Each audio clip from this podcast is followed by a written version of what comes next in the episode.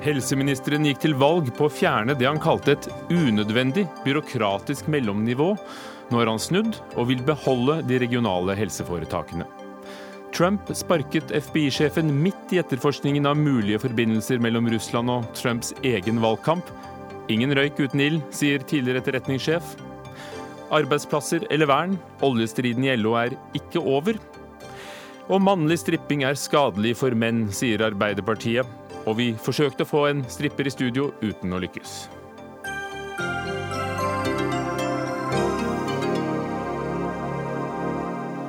Men politikerne kommer til Dagsnytt 18 med Ugo Fermariello i studio. Et valgløfte fra Bent Høie i forrige valgkamp. Hvis vi kommer til makten, skal vi legge ned de regionale helseforetakene. Han kalte dem et isolasjonslag og et unødvendig lag av ansiktsløse byråkrater. Nå har han snudd. I dag skriver bransjetidsskriftet Dagens Medisin at Helse Nord, Midt, Vest og Helse Sør-Øst skal bestå. Sveinung Stensland, helsepolitiker fra Høyre på Stortinget. Første punkt i Sundvolden-erklæringen som er denne regjeringens plattform. Regjeringen vil legge ned de regionale helseforetakene når det er utformet en nasjonal helse- og sykehusplan. Den er kommet. I dag ble det kjent at Høie vil beholde foretakene. Hvorfor? Det er jo basert mest av alt på Kvinnsland-utvalget, som kom med klare anbefalinger om at en trenger et, et regionalt nivå. Eh, og vi har en helseminister som er lyttende og lytter til faglige råd. Eh, og en har eh, i tillegg gjennomført denne nasjonal helse- og sykehusplan og for første gang fått vedtatt i Stortinget hvordan et sykehus skal være, og definert de forskjellige nivåene på sykehusene. Men det viktigste valgløftet vårt var å skape pasientenes helsetjeneste, få ned helsekøene, kortere ventetider og de tingene der. Og det er resultatene av politikken som er viktig, ikke midlene. Og det er sant at eh, Kvinnsland, som ledet dette utvalget, kom med sin konklusjon eh, på tampen av fjoråret.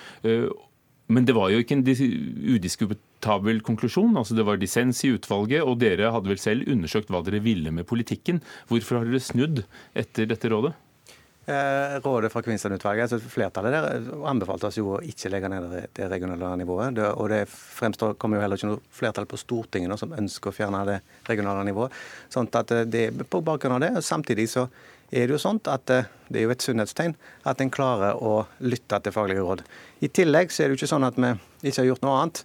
Vi har Mye av det som var problemet for fire år siden, var at det var for regionalisert. Eh, Helse Vest og Helse Sør-Øst hadde sine egne IT-løsninger.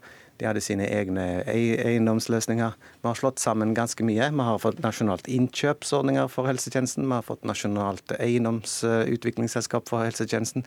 I tillegg så har vi da lagt et nasjonalt for IKT-løsninger.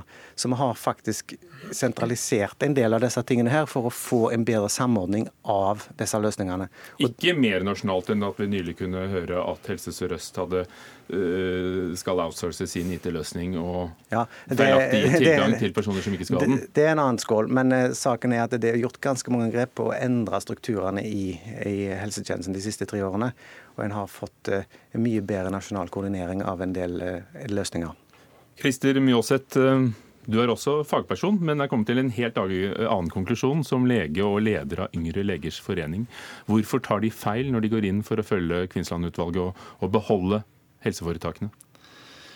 Nei, for det første, Jeg syns det er veldig forstemmende at uh, Høie går tilbake på dette. Det har med mange ting, deriblant uh, Vi vet allerede at det finnes altfor lange styringslinjer og altfor mange ledernivåer som dette ROF, eh, denne strukturen, bidrar til. I tillegg så, ROF er altså regionale helseforetak? Er, ja. Um, I tillegg så, så, handler det i veldig stor grad om denne maktkonsentrasjonen som vi får knytta til de fire ROF-ene um, med, med denne modellen. Um, i, i, prinsippet så er det sånn at Helse- og omsorgsdepartementet har satt bort helse- og omsorgsdriften til uh, en, en, annen ledelse, og med det fått uh, helse på armlengdes avstand. Dermed så blir disse RHF-ene de, de, de, foretar seg uh, behandling av helsevesenet, men, men helsepolitikerne trenger ikke lenger ta ansvar for det som skjer i helsevesenet. Du ser f.eks. dette med IT-skandalen i Helse Sør-Øst med de bulgarske helsearbeiderne, hvor det er tatt en rekke beslutninger. Man er usikker på om Katrine Loftus, som er leder i Helse Sør-Øst, har hatt alle papirene på bordet. Byråkratiet er stort. Helseministeren kan holde det på armlengdes avstand, trenger ikke ta ansvar. Og det spørs, Er det slikt helsevesen vi vil ha, eller vil vi ha større grad av demokrati og større grad av folkevalgt styring. Og da velger vi det siste. Men hvorfor går det utover pasientene? slik det er i dag? Eh, altså det er, det, er, det, er, helt åpenbart at når man får så det Høie selv har kalt glavalag mellom de som er helt nede på pasientnivå og behandler pasientene, og de som sitter der oppe, så tas det mange gale valg. Eh, og Vi mener at bl.a. Eh, denne IT-skandalen og ikke minst denne ventelistesaken, som Torgeir Micaelsen også har, har kommentert en god del, den viser at det er, det er, mye som ikke er godt strukturert i dagens helsevesen. Torgeir Micaelsen, eh, nettopp helsepolitisk talsmann i Arbeiderpartiet. Dette må jo være en gledens dag for dere, for dere ikke bare oppfant eh, disse helseforetakene, men eh, dere vil jo ha dem?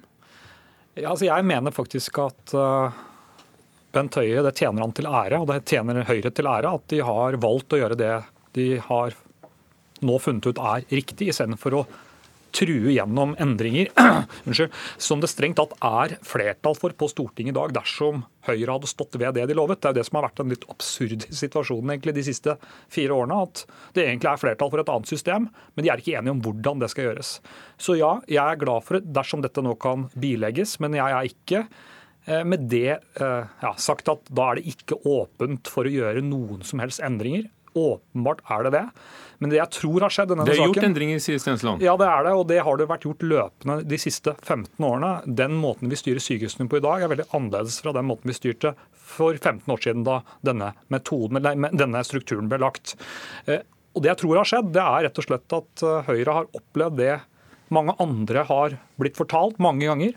At det er ikke slik som Mjåseth sier, at dersom vi bare fjerner dette regionale leddet som jeg mener har vært en styrke for sykehusene samlet sett og for pasientene, så forsvinner alle de samordningsbehovene, de beslutningene som må tas, alle de menneskene som må jobbe med dette. Alternativet til den måten vi har regional styring med sykehusene i dag, er jo å bygge opp et sykehusdirektorat eller utvide departementet, altså det såkalte sentrale helsebyråkratiet i Oslo, for en helseminister kan gjøre veldig mye. Han kan i prinsippet bestemme hva han vil i sykehusene hvis han gjør det på riktig måte. Men ingen mener vel at en helseminister skal inn og detaljstyre hva slags IT-systemer som skal kjøpes inn på norske sykehus. Det er det ingen som ja, med vettig forstand bør, bør foreslå. Kristin Mjåseth, er du ikke engstelig for at som du foreslår, så, så vil folkevalgte politikere få for mye makt? Er det ikke betryggende at det er en armlengdes avstand, og at det sitter fagfolk som bare skal tenke på foretakenes egne interesser i styrene? Nå skal vi først si at Det norske systemet er et avvikende system sammenlignet med de andre skandinaviske landene. og um, igjen da, det, det, handler om ønsker vi at de viktige beslutninger i Helse-Norge skal foretas i det lukkede rom uten innsyn blant uh, toppene i, i, en maktelite, eller ønsker vi at prioriteringsbeslutninger knyttet til f.eks. medisiner i fremtiden skal skal tas av folkevalgte. Um, er folkevalgte bedre skikket enn fagfolk? Nei, men jeg tror at Det, Det offentlige helsevesenet er jo det er jo norske befolkningen sitt helsevesen. Uh, det er vi som Vi må på en demokratisk vis ha påvirkning på hvordan det skal drives. Eh, og Da tror jeg det eneste riktige er å, å åpne opp for en, en, større grad av innsyn og også eh, en større grad av forvaltning på, på regionsnivå. Og, og Svar til det der eh, Torgeir Micaelsen sa om et nasjonalt direktorat. Det er mange måter å gjøre det på. En av måtene er å se det i den forekommende regionsreformen. Det, det er en, et løpt tog som går nå. Det, det kunne vi ha hoppet på. Men med Høies eh, knestående nå, så, så, kan det hende at det faller. Høie er ikke i knestående, og det regionnivået har vi prøvd. Fram til sykehusreformen for 15 år siden så var det faktisk fylkeskommunene som drev sykehusene. Der vil vi ikke tilbake. De var kronisk underfinansiert, var dårlig samordna i de 19 fylkene. Så vi vil ikke ha en modell der vi tar det ned på det nivået der. Men nå skal dere jo få langt færre regioner? Ja, nå blir det ti regioner, så det blir kanskje litt lettere. Men uansett så er ikke det en god løsning. men bekymringen er manglende kontroll fra folkevalgte? Manglende samordning. Og det vi har gjort de siste fire årene, er jo jo ta en del av disse her, eh, disse her en kaller gjerne merkantile funksjonene, de overordna innkjøpsfunksjonene. Vi har samla det, men vi vil jo ha mer lokal styring i, i, eh, de lokale helseforetakene. Det er jo statsråden tydelig på i dag i Dagens Medisin. Vi skal styrke de lokale helseforetakene, men vi skal ha en regional Som altså er sykehusene, først og fremst? Ja en, men fortsatt ha en regional overbygning. Så det, Jeg vil reagere litt på dette med at de lukkede rommene har jeg selv sittet i styret i, i Helse Vest noen år. Alle styremøtene der var åpne. Alle styremedlemmer var oppnevnt eh, demokratisk eh, med innspill, og det er statsråden som oppnevner de. Det blir styrt gjennom eh, foretaksmøter Alt er åpent. Du kan komme på styremøtene som enkeltperson enkeltpersoner hører hvis du vil, og protokollene ligger åpne. Så det er en myte at dette er en lukka modell. Det er faktisk demokratisk styrt. Sånn at det, og så er det en annen ting. Eh, her sitter men, men, men unnskyld meg, det er åpne styrer og uh, offentlig oppnevnte uh, styremedlemmer. Ja, uh, men, men, det gir likevel en lengre avstand, og det gir muligheten for politikere til å si at det skal styrene ja. stå til ansvar for, og ikke jeg. Som Micaelsen er inne på, så er jo alternativet å ha en nasjonal overbygning. Så er spørsmålet om det, blir, om det blir bedre å ha ett nasjonal overbygning for disse lokale helseforetakene. Nå er jo Norge et land med seks millioner mennesker, altså omtrent som en vanlig hovedstad i ja. et annet europeisk ja, land. Så det finnes argumenter begge veier, men vi, vi har landa på at den måten å gjøre det på som vi, som vi har nå, er god. Så er det det. Hvis presidenten i Legeforeningen hadde sittet her, så hadde presidenten vært glad for at vi lytta til Legeforeningen. For Legeforeningens råd er jo fortsatt ha regionale helseforetak. Det har de vært tydelige på i deres høringsutspill. Så her er ikke engang legene internt. Du sitter jo i sentralstyret der. Er dere, er dere blitt enige om det? For uh det var skeptisk Marit Hermansen, formann som leder, som satt her ja, i desember i fjor. Der fra Høyres side. Vi har uh, helt klare tanker rundt dette her. og Vi, vi tenker at uh, vi må gjøre noe med, med helseforetaksreformen. Og, men for å snakke på vegne av Legeforeningen, så skal vi ha et landsstyremøte om tre uker der det skal komme som en endelig utsagn. Men i Yngre legers forening har vi vært ganske tydelige på dette. Og vi har skissert mye av det du sier. Det er lukkede rom. Det er, ikke, det er fire direktører, og de har direktørmøter. Der er det ikke referater. Og det er, det er helt klart en maktelite som, er vanskelig, som er vanskelig tilgjengelig, og som, som styrer Norge, eh, Helse-Norge. Noen må jo bestemme? Noen må bestemme, men spørsmålet er hvem som skal gjøre det. og eh, vil, vil, Høyre at alle disse viktige prioriteringsbeslutningene skal fattes utenom politisk eh, politisk hold, eh, kun ved gitt av signaler. Det jo, når det gjelder prioriteringsbeslutningene, så har et, et stort stortingsflertall vedtatt en prioriteringsmelding som sier litt om hvordan det skal gjøres. Og Det er faktisk ikke, har ikke så mye med organiseringen av sykehusene å gjøre. Det er et beslutningsforum som nå består av de fire, eh, fire RHF-direktørene. Det vil uansett være sånn at til slutt så må noen, som programlederen er inne på, bestemme. Og Vi snakker her om Helse Sør-Øst.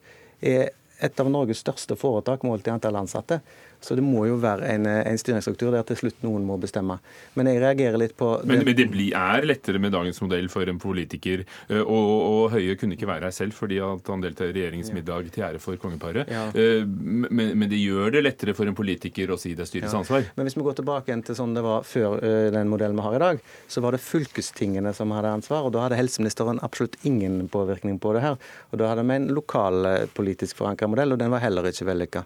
Men i alle fall etter den runden som har vært nå, med Kvinnsland-utvalget, innspill fra forskjellige instanser, inkludert Legeforeningen, så har vi landa på at dette kan være fornuftig. Og vi har òg hatt en fornuftig dialog med Micaelsen og Arbeiderpartiet oppi det her. Og jeg hører jo at han er fornøyd med, med Høies beslutning. Men Micaelsen snur de kappene til vinden og driver realpolitikk, eller hva? Altså, de driver jo åpenbart uh, begge deler, egentlig. Men jeg syns det er vanskelig å være misfornøyd når man tross alt kommer til fornuft. Problemet er bare at de har langt vei ødelagt den helsepolitiske debatten fram til forrige valg, hvor de lovte gull og grønne skoger, lovte legene store endringer i styringsmodell, lovte pasientene store pasientreformer, som ikke de har levert på. Og Det jeg bare håper på nå, det er at det var en helseminister som fortalte meg, jeg skal ikke fortelle hvem det var, som sa at første gang han kom inn i departementet, i Helsedepartementet, så ble han overrasket over hvor politisk det departementet er, og hvor stor makt og myndighet en helseminister har. Spørsmålet vi må stille oss, Trenger sykehusene og pasientene nå en ny, storstilt omorganisering på struktur, eller skal vi konsentrere oss om å gjøre endringer i innhold, organisering, ledelse og disse tingene? Og der er dere enige, da? Bare ikke med men, de yngre legene? Vi er enige om disse siste tingene. Men, bare, altså, ja. men nå må vi måles oss på resultatene, da. Og etter fire år så viser det lavere ventetider, færre som står i kø. Folk er mer fornøyde med helsetjenesten, har vi målt. I tillegg har vi innført pakkeforløp for kreft. Vi har en rekke gode resultater, og det er det vi må måle måles på. Men Statusen for pasientene er jo ikke balansepunktet på hvor mye politikere, folkevalgte, skal styre helsevesenet, og fagpersoner? Vi mener at det viktigste styringsdokumentet for norske sykehus er Nasjonal helse- og sykehusplan. Det var en plan som Arbeiderpartiet var mot. De var heller ikke med når vi utvikla den i Stortinget. Det er det viktigste styringsdokumentet. Og denne Odda-saken som man nå har hatt, viser jo hvor nyttig det har vært med det dokumentet, som faktisk definerer og setter opp hva de forskjellige sykehusene skal være. altså nedleggelsen av akuttkirurgi? Nå, nå, prøver vi å skape ro rundt uh, sykehusstrukturen i Norge, og vi har åpna for denne debatten i Stortinget. Er... Stortinget skal ha siste ord når det gjelder disse spørsmålene her, men den daglige styringen den må gå ut i foretakene. Det er ingen tvil om at den som bestemmer helsepolitikk i Norge, det er de som sitter på Stortinget, som vedtar hva som skal være rammer, eh, myndigheter, lover. Men jeg tror ikke noe på at helsepolitikken blir bedre for pasientene at helseminister i Norge skal sitte og ta løpende avgjørelser om enkeltting på enkeltsykehus i Norge. Og for dere det, fra dere blir det ikke ro, Kristin Mjåseth? Nei, For oss blir det ikke ro, så vi vil forsøke å jobbe med dette videre. Vi tror at uh, denne markedstankegangen som ligger bak uh, hele RF-strukturen, den må endres. Og vi må også få bort det glavalaget som Høie en gang i sin tid sa han ønsket å fjerne, men nå har gått tilbake til. Vi har skrelt av noen lag der de siste årene. Kristin Mjåseth, leder Yngre legers forening, Torgeir Micaelsen fra Arbeiderpartiet, Sveinung Stensland fra Høyre. Takk skal dere ha.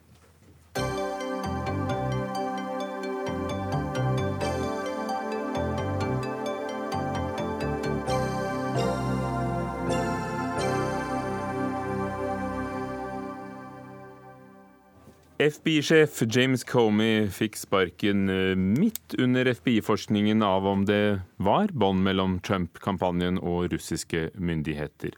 På toppen av det hele kommer Russlands utenriksminister Sergej Lavrov i dag til Washington for å møte USAs president Trump for første gang, og det møtet mm, har allerede vært, og ifølge Trump selv Very good. Veldig bra, USA-korrespondent Tove Bjørgaas. Men denne nyheten som kom sent i går kveld om at han sparket Comey, hvordan slo den ned? Nei, det er klart at det, er den alle snakker om her i Washington i dag. Jeg står utenfor Det hvite hus. Her er det en ganske stor eh, demonstrasjon som de som ser på TV kanskje kan se bak meg, av eh, folk som eh, sier at Trump må gå av, at, at USA blir ødelagt på denne måten. Men det er altså delte meninger. Det er også republikanere som mener at demokratene syter og klager, og at Trump egentlig bare ville hjelpe dem ved å sparke Comey, som jo er blitt beskyldt for å ha bidratt til at Hillary Clinton tapte valget. Men det har altså slått ned som en bombe, dette her i Washington, det som skjedde sent i går kveld. Og vi hører absolutt demonstrantene.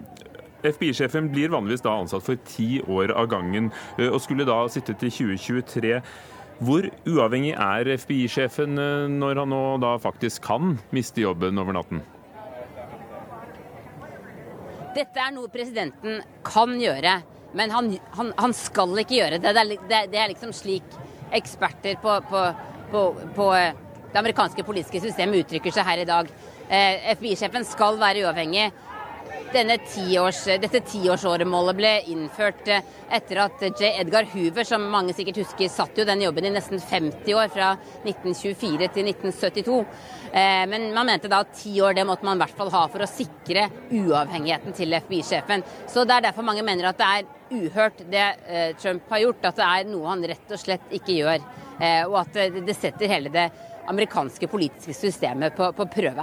Men Comey har jo holdt en høy profil. altså Ikke bare måler han 203 cm på sokkelisten eh, ifølge artiklene, men um, han har jo vært mer markant enn vanlig er. Ja, han har det. Han har, eh, så, mange har snakket at, at Edgar Hoover er den eneste som har vært mer markant enn Comey i denne jobben. Han har blitt eh, beskyldt for å være for synlig, for aktivistisk, og at han da tok en slags rolle i valgkampen. Han har også blitt beskyldt for å ha tatt en aktiv rolle i forhold til etterforskningen av Hillary Clinton, mens han ikke har uttalt seg like aktivt om etterforskningen av Trump-kampanjens kontakter med Russland. Og Det er jo derfor dette skaper eh, enda mer uro her, fordi man lurer på om det var et vikarierende motiv for å sparke ham akkurat nå. Mm. Kjell Grandhagen, rådgiver i geopolitikk for DNB for tiden, men eh, for mange av oss mest kjent som etterretningssjef, som du har vært tidligere. Hvordan vil du beskrive James Comey og rollen han har fylt? Ja, Comey har jo vært en, en, en fargerik sjef for, for, FBI. og jeg tror eh, Enten det nå var frivillig, frivillig, eller ufrivillig, så kom han jo til å spille en mye sterkere politisk rolle uh, gjennom det siste året og under valgkampen og, og, under presidentvalget enn han nok hadde ønsket seg. Og Det har jo gjort han til en veldig kontroversiell figur i USA. Vekselvis så har jo både ledende demokrater og ledende republikanere uh, ønsket å få han sparket. og Jeg sa før valget at jeg trodde hvis Hillary Clinton hadde vunnet, så ville hun nok ha kvittet seg med Comey ganske raskt. Så selv om han har dette åremålet, så betyr det jo ikke at han er hevet over politikken i dette. Og mange mente nok at FBI fikk en for sterk politisk rolle i denne saken. Og så må vi huske på den tabben han da gjorde i senatskomiteen i forrige uke, hvor han altså ga Senatet feil informasjon om et veldig viktig spørsmål knyttet til etterforskningen av Hillary Clinton. Og det er klart at Det gjør man ikke uten videre uten at det får konsekvenser. Og en feilinformasjon fra en FBI-sjef, er det Det må jo være bevisst? Eh, det, det, tror jeg ikke nødvendigvis at det var. Han kan ha vært uh, simpelthen Det kan være en slip of the tongue, eller det kan være en, en, uh, at han var dårlig opplest på akkurat den saken. Men det er like fullt utilgivelig, tror jeg, å gjøre det. Så uh, Sånn sett så har det brent under beina til Comey over noe tid. Men jeg sier ikke med det at det å sparke han nå var et klokt grep på det nåværende tidspunkt, selv om det da brukes iallfall som et påskudd for å kvitte seg med han. Hva, hva, hva var det han sa feil? i høringen der? Nei, Det gikk jo på, på, det ansvaret som denne politiske rådgiveren til Hillary Clinton eh, hadde, og, og, hvor mye eh, e-mail hun faktisk hadde sendt over til denne serveren som tilhørte hennes mann, eh, og som viser seg at var betydelig mindre enn det som Comey sa i høringen. Og Det er ganske viktige poeng i den saken. Men jeg mener altså ikke med det å si at det nødvendigvis var et rettferdig motiv, og det som Trump har brukt i denne saken. For det er klart at det ligger eh, noe i eh, det som, som, eh, som, den mistanken som er reist her, om at det kan være andre motiver bak.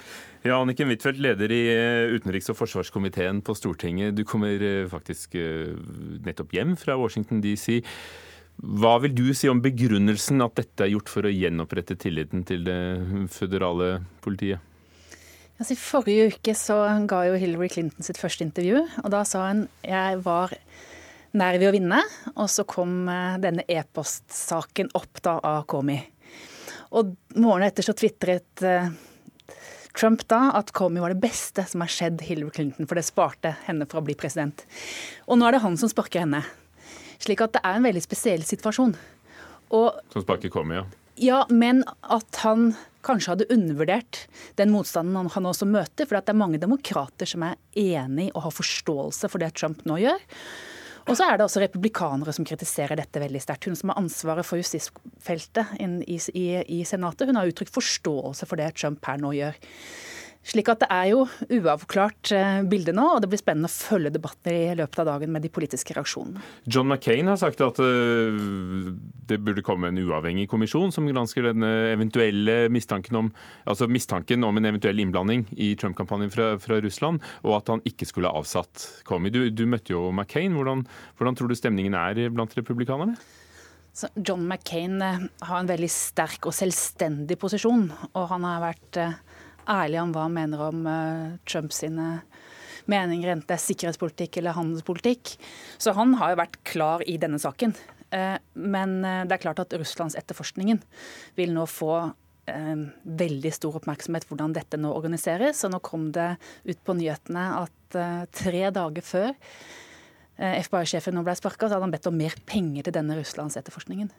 Og da blir jo spørsmålet stilt, er det en sammenheng her? Har du svaret òg? Jeg har ikke det. Men det er klart at dette vil nå bli følt veldig nøye om, denne, om det noe, har vært noen kontakt mellom Trump-kampanjen og Russland. Kjell Grandhagen, siden du nå ikke er etterretningssjef lenger, hva er ditt svar? Nei, altså, eh, Enten så, så, er det jo da ikke noen, noen uh, i fall straffe, straffbar uh, forbindelse mellom, mellom Trump-kampanjen og russerne, eller så er det det. Men uavhengig om, om, det er det ene eller det andre, så har jo uh, Det hvite hus håndtert dette aldeles forferdelig dårlig, med løgner og bortforklaringer og en masse rare kommentarer som hele tiden har nøret opp under dette. Og Det er det som gjør også avsettelsen av Comey så veldig komplisert i dette. For Like etter at han har bedt om mer penger til denne etterforskningen som han selv ledet? Det som en faktor, selv om jeg ikke tror det i seg selv har vært utløsende. Men, men, men eh, det at det kommer nå, eh, og med bakgrunn i eh, de høringene som har vært i Senatet, og de, den informasjonen som kom frem nå senest på mandag, da, da, da den forrige justis, fungerende justisministeren var i høring i Senatet, hvor det ble klart at det var kommet advarsler til Det hvite hus, bl.a. rundt Mike Flynn, som var tidligere sikkerhetsrådgiver. Så det er et veldig dårlig klima rundt dette i Washington. og Min hovedbekymring for dette er jo hvordan påvirker det liksom, politikkutformingen i Washington fremover? Blir dette det brennende bålet som trekker til seg alt oksygen, og man har ikke lenger krefter til å håndtere de andre viktige utfordringene som man nå står overfor? Det er jo bekymringsfullt sett bl.a. med norske øyne. Tove Bjørgaas, blant demonstrantene utenfor Det hvite hus, vil det skygge for alt annet? Helsereformer, miljøpolitikk og alt annet kontroversielt som Trump vil foreta seg? Ja, de Demonstrantene som er her, de vil jo bare ha Trump avsatt. Men de befinner seg jo litt lenger ut på, på kanten i Det demokratiske partiet. Men det er klart at som Grandhagen sier, dette, dette, denne Russland-saken kommer opp om og om igjen. Og denne saken med Komi er blitt håndtert ekstremt dårlig av Det hvite hus. Mange kommentatorer her peker på at de mener Trump-administrasjonen trodde at dette var noe demokratene ville de skulle gjøre. At, og at de ikke skjønner hvorfor de ble så opprørte. For de hadde jo vært så kritiske til Comey. Eh, så, og, og, og, det måten det skjedde på også i går, eh, veldig raskt. Comey fikk beskjed, han så det på TV, på nyhetene, når han var i Los Angeles for å holde et foredrag. Eh, veldig spesiell måte å gjøre det på. Trump har en veldig impulsiv eh, stil, og den har han beholdt som eh, president. Eh, det har kommet opplysninger i dag om at han en uke før cirka ba Justisdepartementet komme opp med grunner for hvorfor Comey burde sparkes. Så det er veldig mange opplysninger her som nå kommer til å bli analysert i senk de neste dagene. Og denne saken eh, kommer til å prege, prege igjen denne byen og USA. Og vi hørte også den russiske utenriksministeren i dag himle med øynene når han hørte hva som hadde skjedd. Og, og, så hvis russernes mål var å skape kaos i det amerikanske politiske systemet, så har de i hvert fall klart det. Du spøker, hadde Lavrov sagt da han fikk nyheten. Tove Bjørgaas, blir det noe uavhengig granskingskommisjon fra Senatet som dere tatt til orde for? For her skjer det jo ting fra time til time. Det er veldig mange som ber om det, også, også republikanere. Også eh, Richard Burr, bl.a., senator, leder i etterretningskomiteen i, i Senatet, ber, sier at nå må man, eh, nå må man eh, forsøke å få til en uavhengig eh, spesialetterforsker rundt den Russland-saken, for det er så mye politisk støy. Men dette har man altså snakket om i flere måneder nå.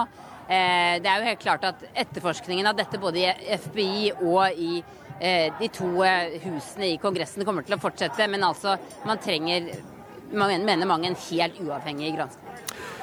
Blir, eh, blir, det Anniken Huitfeldt et annet USA å forholde seg til for, for oss og for deg som politiker? Ja, Det er jo mer polarisert. Situasjonen er mer uavklart. Men det er klart at dette med domstolen og politiets uavhengighet er viktig for amerikansk politikk, men det har også betydning for USA sin rolle i verden som et veldig sterkt demokrati. Og når vi ser at demokratiet er på tilbakemarsj i veldig mange land i verden, så får jo dette betydning også for andre land. Slik at det blir veldig viktig hvordan denne saken nå følges opp videre. hvordan eh, det følges opp denne Russland-saken, om det blir en uavhengig gransking av det. For at tilliten må opprettes hvis USA skal være et sterkt forbilde for resten av verden. Ja, og jeg tror det er, det er, hevet over tvil at USAs rolle eh, globalt er svekket allerede etter eh, Trumps første 110 dager. Det er en større grad av uforutsigbarhet rundt hva som kommer ut av USA. Skal man stole på Twitter-meldingene som sendes ut midt på natten, eller er det eh, Trumps ministre som reiser rundt i, i, verden og beroliger og prøver å dempe eh, spenningene som man skal lytte til? Det har skapt usikkerhet hos statsledere rundt omkring i hele verden. Og USA er ikke det samme i dag som det var. Eh, Eh, for eh, noen måneder tilbake. Det tror jeg er et faktum. Takk skal dere ha. Kjell Grandhagen, rådgiver i geopolitikk for DNB, tidligere etterretningssjef. Anniken Huitfeldt, eh, leder i utenrikskomiteen på Stortinget. Og vår korrespondent Tove Bjørgaas i Washington.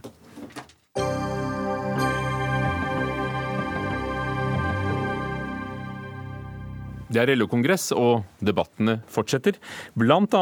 om oljeutvinning i Lofoten, Vesterålen og Senja. Den raser på LO-kongressen. Flere LO-forbund vil gå inn for et varig vern av områdene i nord, mens andre frykter at det vil ta livet av flere tusen arbeidsplasser. Atle Tranøy, forbundsstyremedlem i Fellesforbundet. Du kaller kampen for et vern av Lofoten, Vesterålen og Senja for et frontalangrep på arbeidsplasser. Eh, men dette er jo arbeidsplasser langt frem i tid. Det kan da ikke bekymre deg nå? Ja, og det gjør det jo så avgjort, fordi de beslutninger som blir fattet nå, har innvirkning på framtidig satsing og investeringer fra oljeindustriens eh, side. Så hvis eh, LO-kongressen skulle sende et så kraftig signal om at man nå ønsker et, et varig vern av områder som eh, kan være vesentlige for oljeindustrien, så vil det kunne ha ganske umiddelbar virkning. Du har jo jobbet i sektoren selv hele ditt liv, og er konserntillitsvalgt i Aker, sitter i styret også. Hvordan er det for deg å være på en LO-kongress der så mange andre forbund går imot det du kjemper for? Det er ingen spesiell overraskelse at eh, den type holdninger kommer til uttrykk på LO-kongressen. Det var vi jo kjent med før kongressen. Det som er beklagelig, det er jo at eh, det ikke er Industriforbundene som har den diskusjonen, men eh, spesielt innenfor offentlig sektor og servicenæringa, som er avhengig av inntektene fra oljeindustrien i forhold til egne arbeidsplasser, som er de som går inn for, for et mulig vern. Det er jo skuffende. Ingunn Gjerstad, leder i Handel og Kontor i Region Øst. Er det riktig at det er dere som bemanner hoteller, kontorer og ikke plattformer og sveiseverksteder som skal, skal stikke kjepper i hjulene for den kampen? Jeg er medlem i Handel og Kontor eh, og er med i LO fordi det er en organisasjon som tar samfunnsansvar, som ser på helheten. I dette tilfellet så har vi tenkt at vi må fylle FN sine klimamål, Parisavtalen og dette her, og begynne å eh, kule litt ned med oljeutvinning. Og Da er det veldig naturlig for oss å ha et forslag om at Lofoten, Vesterålen og Senja skal eh, fredes. I 2016 var det 185 300 direkte eller indirekte eh, mennesker som jobbet med olje i, i Norge. Hvor skal disse jobbe hvis vi faser ut oljen? Det er jo det som er så flott, at eh, vi har mulighet til å bruke offentlige penger til å skape arbeidsplasser. Og vi vet, sånn som Fellesforbundet har sagt i sine ti bud, at eh, det meste av nye oppfinnelser finnes ute på gulvet i det norske arbeidslivet, i et arbeidsliv der det er trygge ansatte.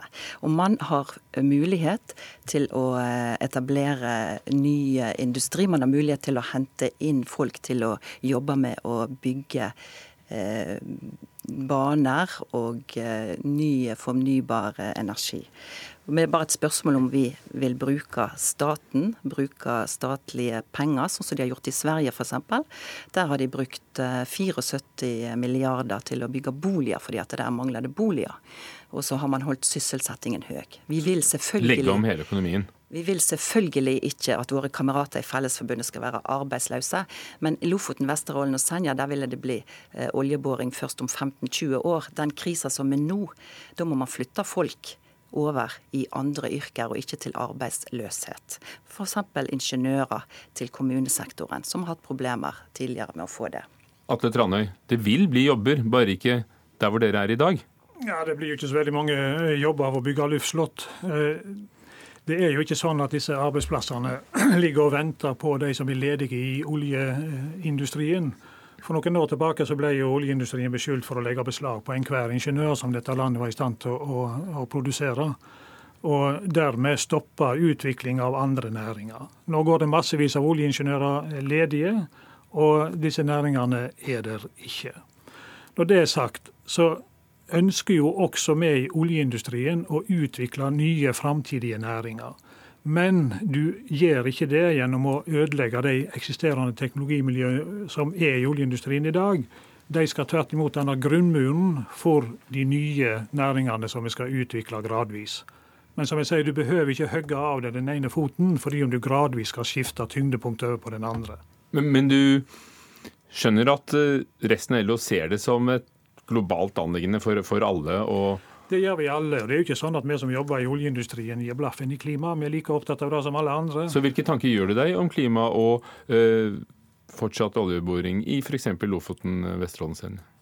Det er jo sånn at Verken handel og kontor eller andre kan vedta seg vekk fra det faktum at verden fremdeles i lang tid framover vil være avhengig av fossil energi. Og hvorfor skal vi da bygge ned den industri, oljeindustrien som i verdenssammenheng er den ledende på sikkerhet, på ressursutnyttelse og på miljøvennlig oljeproduksjon. Det vil jo begynne, være å begynne i fullstendig feil ende. Er det miljø eller hele omleggingen og økonomien dere i Handel og Kontor er opptatt av? Begge, begge deler.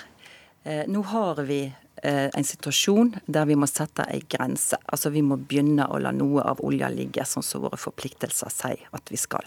Da er det veldig naturlig å begynne med Lofoten, Vesterålen og Senja, som er våre mest sårbare områder. Vi har allerede tidligere tatt hensyn til andre sånne områder, f.eks. i Skagerrak og Mørebankene, fordi at det også kom i konflikt med fiskeriene. I tillegg så har vi konflikter med reiselivet. Det er mange flere arbeidsplasser innenfor reiselivet og fisk enn det vil bli i olje med den utbygginga.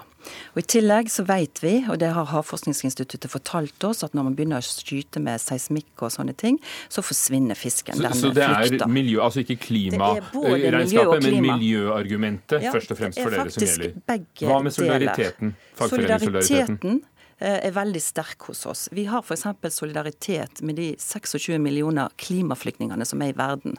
Det er jo faktisk sånn at de farlige klimaendringene er her allerede. Og veldig mange folk må reise rundt på jakt etter nye eh, mat og, og drikke, hadde nær sagt, fordi at avlingene har gått skitt der de er. Vi må ta det internasjonale ansvaret. Og det her er ikke snakk om at vi stenger igjen noe som helst. Vi kommer til å ha mye olje framme gjennom, men vi må stenge noen felt. Atle det er bare noen felt, fordi det er jo mange andre eh, ruter på kartet oppover Nordsjøen?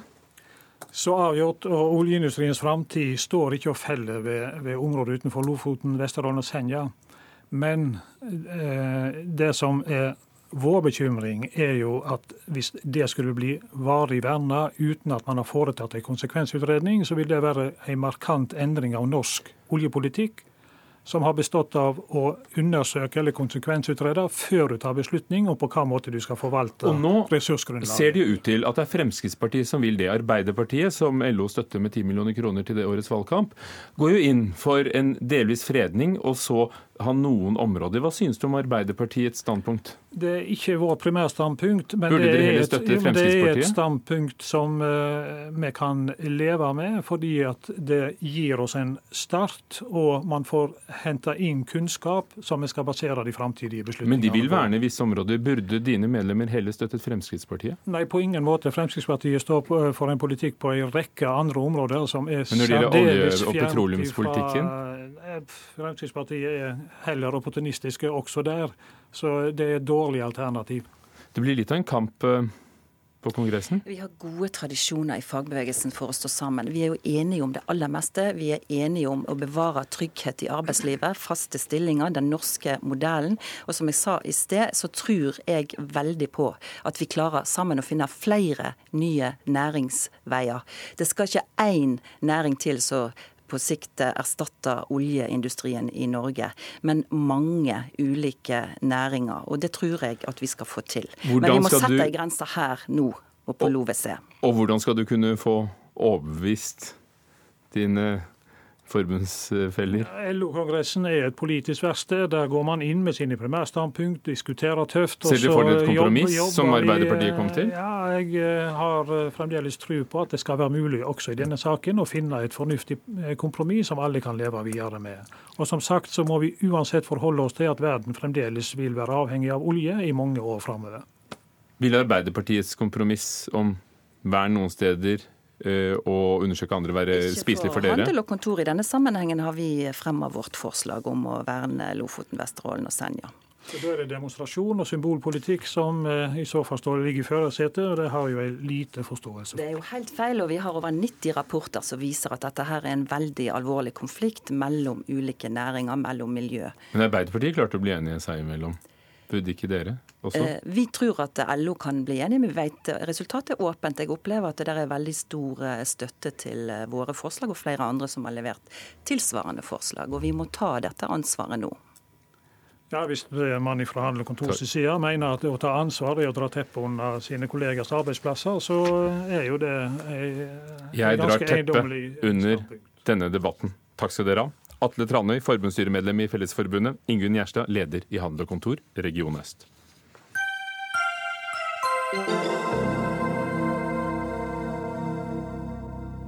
Lørdag skulle det være damenes aften i Kopervik i Rogaland.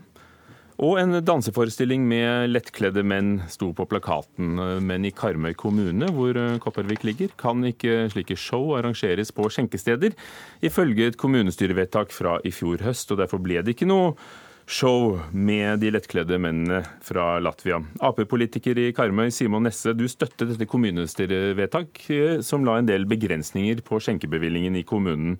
Eh, hvordan eh, mener du at dette er skadelig for gutter og menns selvbilde, for det har vært begrunnelsen for å ha dette forbudet. og Det var derfor dere gikk inn og, og, og fikk sagt nei til Male Empire, som disse her heter.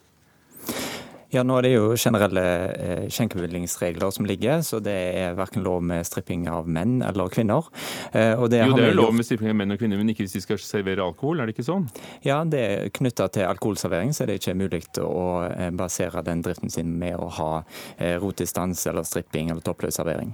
Og det er basert på verdier som jeg har lagt til grunn for den avgjørelsen vi har gjort om likestilling og sunne kroppsidealer både for kvinner og menn, og unngå en objektivisering av kroppen. Og det er noe som jeg har har eh, gjort, eh, både med tanke på om det er kvinnelige stripper eller mannlige stripper. Var det ikke godt nok kjent, fordi forestillingen var da visstnok så godt som utsolgt? Og, på tross av disse skjenkebevilgningene så, så var det da satt opp plakater og billettene var lagt ut? Ja, de ble gjort oppmerksomme fra administrasjonen i Karmøy kommune om at dette ikke var mulig og det var ikke forenlig med å ha skjenkebevilling i Karmøy og ha denne type show. Eh, så der hadde de nok glippa litt, men de eh, innordna seg fint til det og hadde respekt for det vedtak som politikerne på Karmøy har gjort. Viser du til forskning, eller er dette en følelse og en personlig standpunkt at, at dette er usunt for, for gutter og menn at slikt skjer? Jeg tenker dette handler om en verdidebatt, hva vi ønsker å ha i samfunnet vårt. Og For min del så handler det om at jeg ønsker å fremme eh, likestilling og gode kroppsideal. Eh, dette er jo en eh, debatt som det ikke stilles mye spørsmål om når det er snakk om kvinnelige strippere, men her var det jo mannlige strippere. Og jeg mener òg at kroppspresset mot menn er betydelig høyere nå enn hva det har vært på lenge. Og det at hundrevis av lokale jenter og kvinner skal på jentekvelder med mannlige strippere, er ikke med og bidrar i en positiv retning for å lette på det kroppspresset, som òg er veldig tilstedeværende, særlig for unge menn. Og I Karmøy har bl.a. Fremskrittspartiet vært imot dette vedtaket fra i fjor høst, som altså setter en stopper for stripping, erotisk dans, toppløsservering, undertøyshow og servering av mat drikke direkte på kropp, f.eks. sushi, drikkeleker eller konkurranser med mer. Frp Karmøy eh, vil ikke stille, men eh, leder i Fremskrittspartiets Ungdom, Bjørn Christian Svensrud. Dette er jo lokaldemokrati i praksis? Ja, og jeg skal eh, være den første å si at man skal respektere et lokalt vedtak. Uh, og det er sånn at man, man, velger de politikerne man gjør, og så fatter politikerne vedtak. Og hvis man er uenig i det vedtaket som blir gjort, så må man eventuelt stemme på andre politikere neste gang. Så det får nå så være. Men, men sånn, til det mer generelle så mener jeg jo at det er et, et spesielt vedtak å sette erotisk dans opp mot uh, skjenkebevilgning, fordi det er to ting som ikke nødvendigvis egentlig har noe, noe med hverandre å gjøre. Eh, og så snakker jo Nessa veldig mye om verdier eh, og hva slags samfunn man vil ha. Men for meg så høres det ut som Arbeiderpartiet på Karmøy tenker at eh, stripping er greit så lenge ikke det er alkohol med. Og da faller jo på en måte hele argumentasjonen Sannheten er vel at uten alkoholservering så er det ikke et marked for å få det hele til å gå rundt økonomisk. Men, men hva synes, tror du det gjør med eh, menns og gutters eh, syn på egen kropp at det kommer en gjeng eh, topptrente, for ikke å si overtjente dansere fra Latvia og står igjen i bare tangatrusen? Nei, altså jeg tror jo at eh, altså Vi vet jo at uh, dette showet ble jo kjørt i, i Haugesund. Eh, altså I Haugesund så ble det lov, men på Karmøy så var det ikke lov. Og Jeg tror jo ikke at uh, gutters selvbilde er noe hva skal jeg si, dårligere i Haugesund enn hva, de, hva det er på Karmøy av, av, av denne enkelte forestillingen. Men det som er et poeng, det er jo selvfølgelig at det er i crosspress der ute blant både unge jenter og unge gutter. Og Det er selvfølgelig noe man er nødt til å ta tak i. Noe av det aller viktigste man kan gjøre da, det er jo rett og slett å fortelle hverandre at man er god nok. Uh, for det er en, en prestasjonssamfunn hvor man skal prestere på ekstremt mye, og det at ungdom får vite at de er gode nok som det mennesket man er, det er det aller viktigste. Men at eh, man har et show med topptrente menn som eh, har en erotisk dans for kvinner på en dameaften, eh, jeg tror ikke at det har noe å gjøre med Eh, selvbildet til unge gutter der ute. Jeg tror det er mer et, eh, et reelt moralpoliti som sier hva som er greit og ikke greit. Er det Er det høy, samfunnet for høy moral som spiller inn? Hvilke reaksjoner Simon har dere hatt lokalt? Nei, Det er forskjellige reaksjoner. Noen er enige og noen er uenige. Eh, det handlingsrommet vi har som lokalpolitikere, er jo at vi kan knytte dette opp til skjenkebevilgning. Så eh, poenget om at vi er for stripping ellers, det stemmer nok ikke. Men, men det, det, det, er jo ikke dette showet alene som er med å avgjøre eh, selvbildet til unge menn. Men, men noe av det jeg har etterlyst, er at det blir ingen debatt når det er mannlige strippere, og når hundrevis av lokale jenter og kvinner har en sånn type jentekveld med alkohol og mannlige strippere. Eh, så er det taust. Det er ingen som tar ordet ut i det offentlige, noe som en ser skjer omvendt hvis det er kvinnelige strippere. Og jeg tror det handler litt om at det er tabu for oss menn eh, å kunne snakke om at dette presset eksisterer, i hvert fall for mange, og derfor er det ikke en del av samfunnsdebatten. Så jeg satt litt undrende når jeg så at disse to eh, showene ble markedsført og beramma her, og så er det ingen som sier noen ting i det offentlige. Mens hadde det vært omvendt, så hadde det sannsynligvis vært en ganske stor debatt. Men vi sitter jo og har en debatt nå da, når det er mannlige og erotisk dans, så debatten er jo absolutt til stede. Men vil den oppstått hvis ikke den var blitt stanset? Nei, det... Ser du at det ville vært en annen debatt uh, Nei, jeg, hvis det hadde vært kvinnelige strippere? Det, det jeg tror man uansett skal være enige om, er at det er et kroppspress der ute. Der er vi helt enige. Ville det vært Både... en annen debatt, tror du, hvis det var kvinnelige strippere? Nei, det tror jeg ikke. Jeg tror ikke, jeg tror ikke at debatten ville vært så veldig mye annerledes. Men det jeg tror er at uh, det, det, aller viktigste er at man har et fokus på kroppspress, og at man har uh, tiltak hvor man sier dette med at man er god nok, og ikke minst at det alltid også skal være helsesøster ute på skolene f.eks. Utrolig viktig, for vi vet at det er særlig unge mennesker som sliter med kroppspress. Men jeg er allikevel imot at man skal tolke eh, topptrente menn dit hen at det er eh, noe som, som, øker kroppspresset blant eh, unge gutter.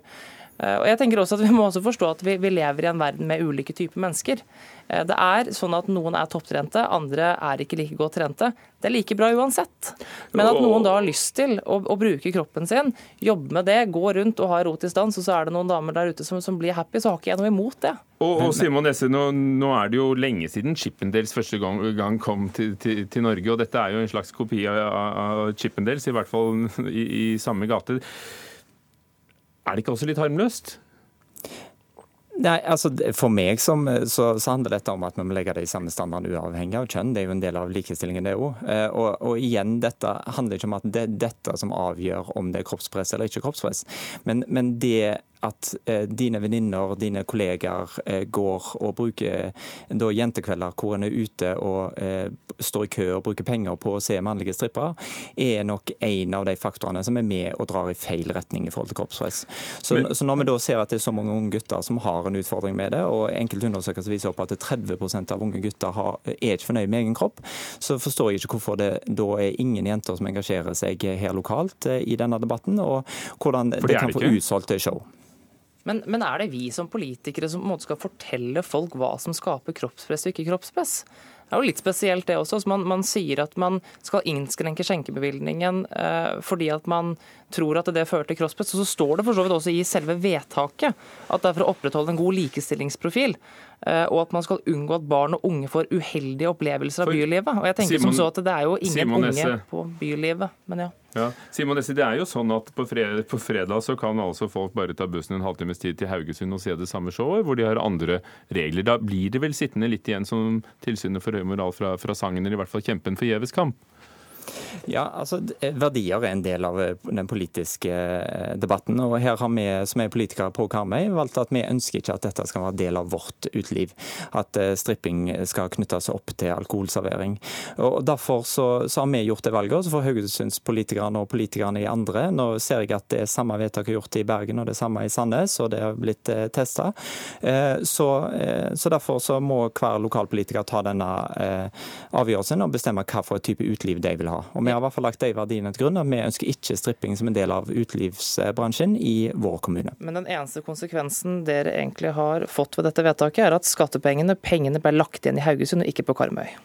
Det hadde kanskje vært et marked begge steder. Hvem vet, for Mail Empire, vårt eget Mail Empire her ehm, siden vi bare hadde mailen i denne debatten. Simon Nesse fra Arbeiderpartiet på Karmøy og Bjørn Kristian Svensrud, leder i FPU. Takk skal dere ha, begge to.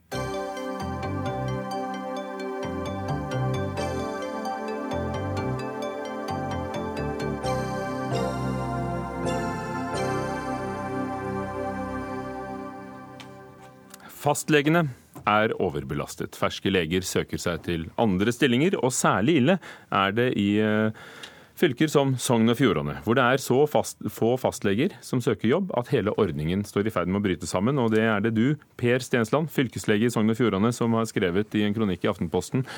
For pasientene dine, hva betyr det at, eh, at det er som du sier, at det, det mangler eh, snart fastleger? Ja, det betyr veldig mye for pasientene at, et, at, de har tilgang på et helsevesen som er basert på en primærhelsetjeneste som, som uh, henviser dem videre. Og det er ikke bare i Sogn og Fjordane at dette er et problem. Vi ser også at, uh, og det er noe av grunnlaget for at jeg gjør dette og skriver om det nå, uh, jeg tror det er en forståelse for at problemet med å skaffe fastlege begynner også å komme i byene. Men hva det betyr? Jo, Fastlegen er den som skal diagnostisere dine og mine eh, plager når vi begynner å få en eller annen sykdom som enten kan være mindre alvorlig eller mer alvorlig. Og eh, den som skal koordinere utredningen av det, det gjelder å ha en fastlege som kjenner deg. For de eldre og de kronisk syke så er fastlegen den som skal ha oversikt over alle disse sykdommene og alle de medisinene disse bruker i det vanlige livet, og sørge for at uh, dette blir behandlet på en forsvarlig måte. Det mangler 2000 fastleger, sier du. Det vil mangle 2000 fastleger. Hvor, hvorfor? Jo, det er altså slik at, at uh, I 2012 så fikk vi en samhandlingsreform som overførte uh, de oppgavene som egner seg å løse i kommunene, nettopp til kommunene. Og da, da uh, den reformen ble markedsført, så hadde man beregnet at man kom til å trenge, og man gikk ut med et tall som 2200, altså et meget høyt tall. Ehm, man trengte mye mer fastleger eh, der ute for å ta seg av den nye jobben som eh, Samhandlingsreformen kom til å, til å eh, by på. Men det, det, det er jo blitt noen flere fastleger, da? Ja, det har blitt noen flere fastleger, men bare en brøkdel av det man beregnet at man, man trengte. Og nettopp derfor tror jeg vi må forstå den tendensen til slitenhet, tendensen til å søke andre arbeidsplasser i helsevesenet, som vi nå ser hos de unge legene, først og fremst. Det er De søker seg i liten grad, ehm, i mindre grad enn det vi vil ønske oss, til eh, fastlegejobber. Og vi ser også at kommunene ikke oppretter så mange eh, fastlegejobber som det som ville vært fornuftig av dem. Svein Lie, divisjonsdirektør for eh, primærhelsetjenesten i Helsedirektoratet. Ja. Eh, nå er ikke Per Stensland den første som roper varsko. Det, det, skjedde i fjor høst. Da var det en kommuneoverlege eh, på Østlandet. Det har vært kronikker i Aftenposten av en ung fastlege i, i, spesialiseringen som sier at 'jeg slår opp'. Hvorfor klarer vi ikke å få nok fastleger? Det er veldig viktig at Per Stensland og de andre som tar opp dette problemet, setter fingeren inn på et en utfordring som vi har for å sikre helsetjenester i framtida, fordi det øker i kommunen. Så må jeg si først, øh, Vi må huske at fastlegeordninga har vært veldig viktig og nyttig for pasientene etter at den kom. Så nyttig nå, at de har fått så mye å gjøre at ja, det mangler 2000 fastleger? Ja, og det øh, tallet har jo litt med at det ble sagt politisk øh, i forbindelse med reformen, men vi ser det. Vi ser at konsultasjonsomfanget øker spesielt for de eldste. Og det har nok, som Per er inne på, sammenheng med, med, med, med Samhandlingsreformen. og det er klart en av av virkningene. Så for all del, eh, Per Stensland har et veldig viktig poeng. Vi ser det, og vi lytter til det, og vi er jo opptatt av tiltakene. Tiltakene de har jo litt forskjellig natur, for vi får jo ikke plutselig 2200 eh, i morgen hvis vi ønsker det. Vi Men det er jo en stund siden fastlegereformen, da, da, da, myndighetene selv annonserte behovet. Det er riktig. Nå er det sånn at eh, fastlegetallet det reguleres av flere krefter. Det første er at kommunene jo har ansvaret for å ansette leger. Og det er fullt mulig å opprette flere stillinger. Det er faktisk ikke regulering i markedet nå, men som Per Stensland sier, så er det redusert søkning. Og det må bety at vi også må gjøre stillingene mer attraktive. Det går på å begrense arbeidsomfang. Vi ser på vaktordninger, og en må tenke også på stimuleringer. Og Vi har oppdrag nå fra Helse- og omsorgsdepartementet både å se på hva fastlegene gjør, sånn at vi kan være med og se på om vi kan hjelpe på innholdet. Og så holder vi på med prosjektet og skal prøve ut dette med primærhelseteam, som jo er et eksempel på at vi i framtida må se på arbeidsdeling blant, eh, for de oppgavene som legene også gjør. Og før du, fylkeslege Stensland, får eh, ord igjen, så gir jeg det til Sveinung Stensland, eh, som fortsatt er med oss, helsepolitisk talsmann og i, i helsekomiteen på Stortinget fra Høyre. Fastlegene skal skrive attester til syke skoleungdom, de skal sørge for førerkort til gamle. De skal ikke minst ta seg av alt mye av det sykehusene gjør før pga. denne samhandlingsreformen. Hva har regjeringen gjort for å bøte på behovet for flere fastleger? Først av alt så øker jo antallet fastleger eh, år for år, men eh, det er en utfordring med rekruttering spesielt i distriktene. Men så ser vi dessverre i enkelte byer at det er mange til dette. Paradokset er jeg vil skyte inn at eh, antallet leger på sykehus øker mer enn da det er fastlege i primærhelsetjenesten som får mer ansvar. Ja, så jeg tror alle er enige i problembeskrivelsen. Vi trenger flere fastleger. Akkurat nå så ligger det en sak i helsekomiteen nettopp om dette med rekruttering av fastleger. og der vi der vi innser at, eh, eller vi anerkjenner at dette er en utfordring. Og eh, eh, når det gjelder sykehus, er det jo sånn at helseforetakene får jo midler for å øke rekrutteringen, mens det samme gjør vi ikke for, for å stimulere til flere fastleger. Det, det omtaler helseministeren bl.a. i brev til komiteen i den behandlingen som vi nå er inne i. Når det gjelder, når gjelder fastlegene, så er det det som er interessant i denne debatten, er jo at hver gang vi peker på oppgaver som fastleger ikke skal gjøre, så blir det en viss protest fra spesielt Legeforeningen. De ønsker jo ikke å flytte oppgaver ut. Vi har hatt diskusjoner om at helsesøstrene skal få større oppgaver, jordmødrene skal få større oppgaver, og da kommer det protester. Så det er én ting. I tillegg så er dette som nevnes her med primærhelseteam, dette at fastlegene skal få anledning til å ansette folk, støttepersonell, type sykepleiere, kan gjøre mye i oppfølgingen av kroniske pasienter. Det har vi tro på som en løsning. Og jeg tror det viktigste grepet vi har gjort i denne perioden, er den store satsingen vi har hatt på flere helsesøstre og psykologer i kommunene, sånn at syke unge mennesker kan få hjelp på et lavere nivå.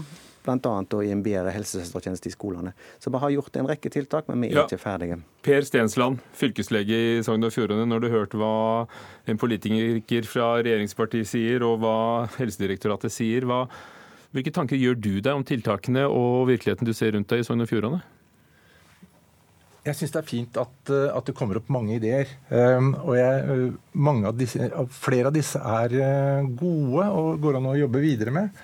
Men jeg ser at, at rundt omkring i kommunene hos oss, og rundt omkring i kommunene i en rekke utkantstrøk Men du, et altså utkantstrøk i dag når det gjelder fastleger, det er, det er Indre Østfold. Det er, det er, det er utrolig nær Oslo.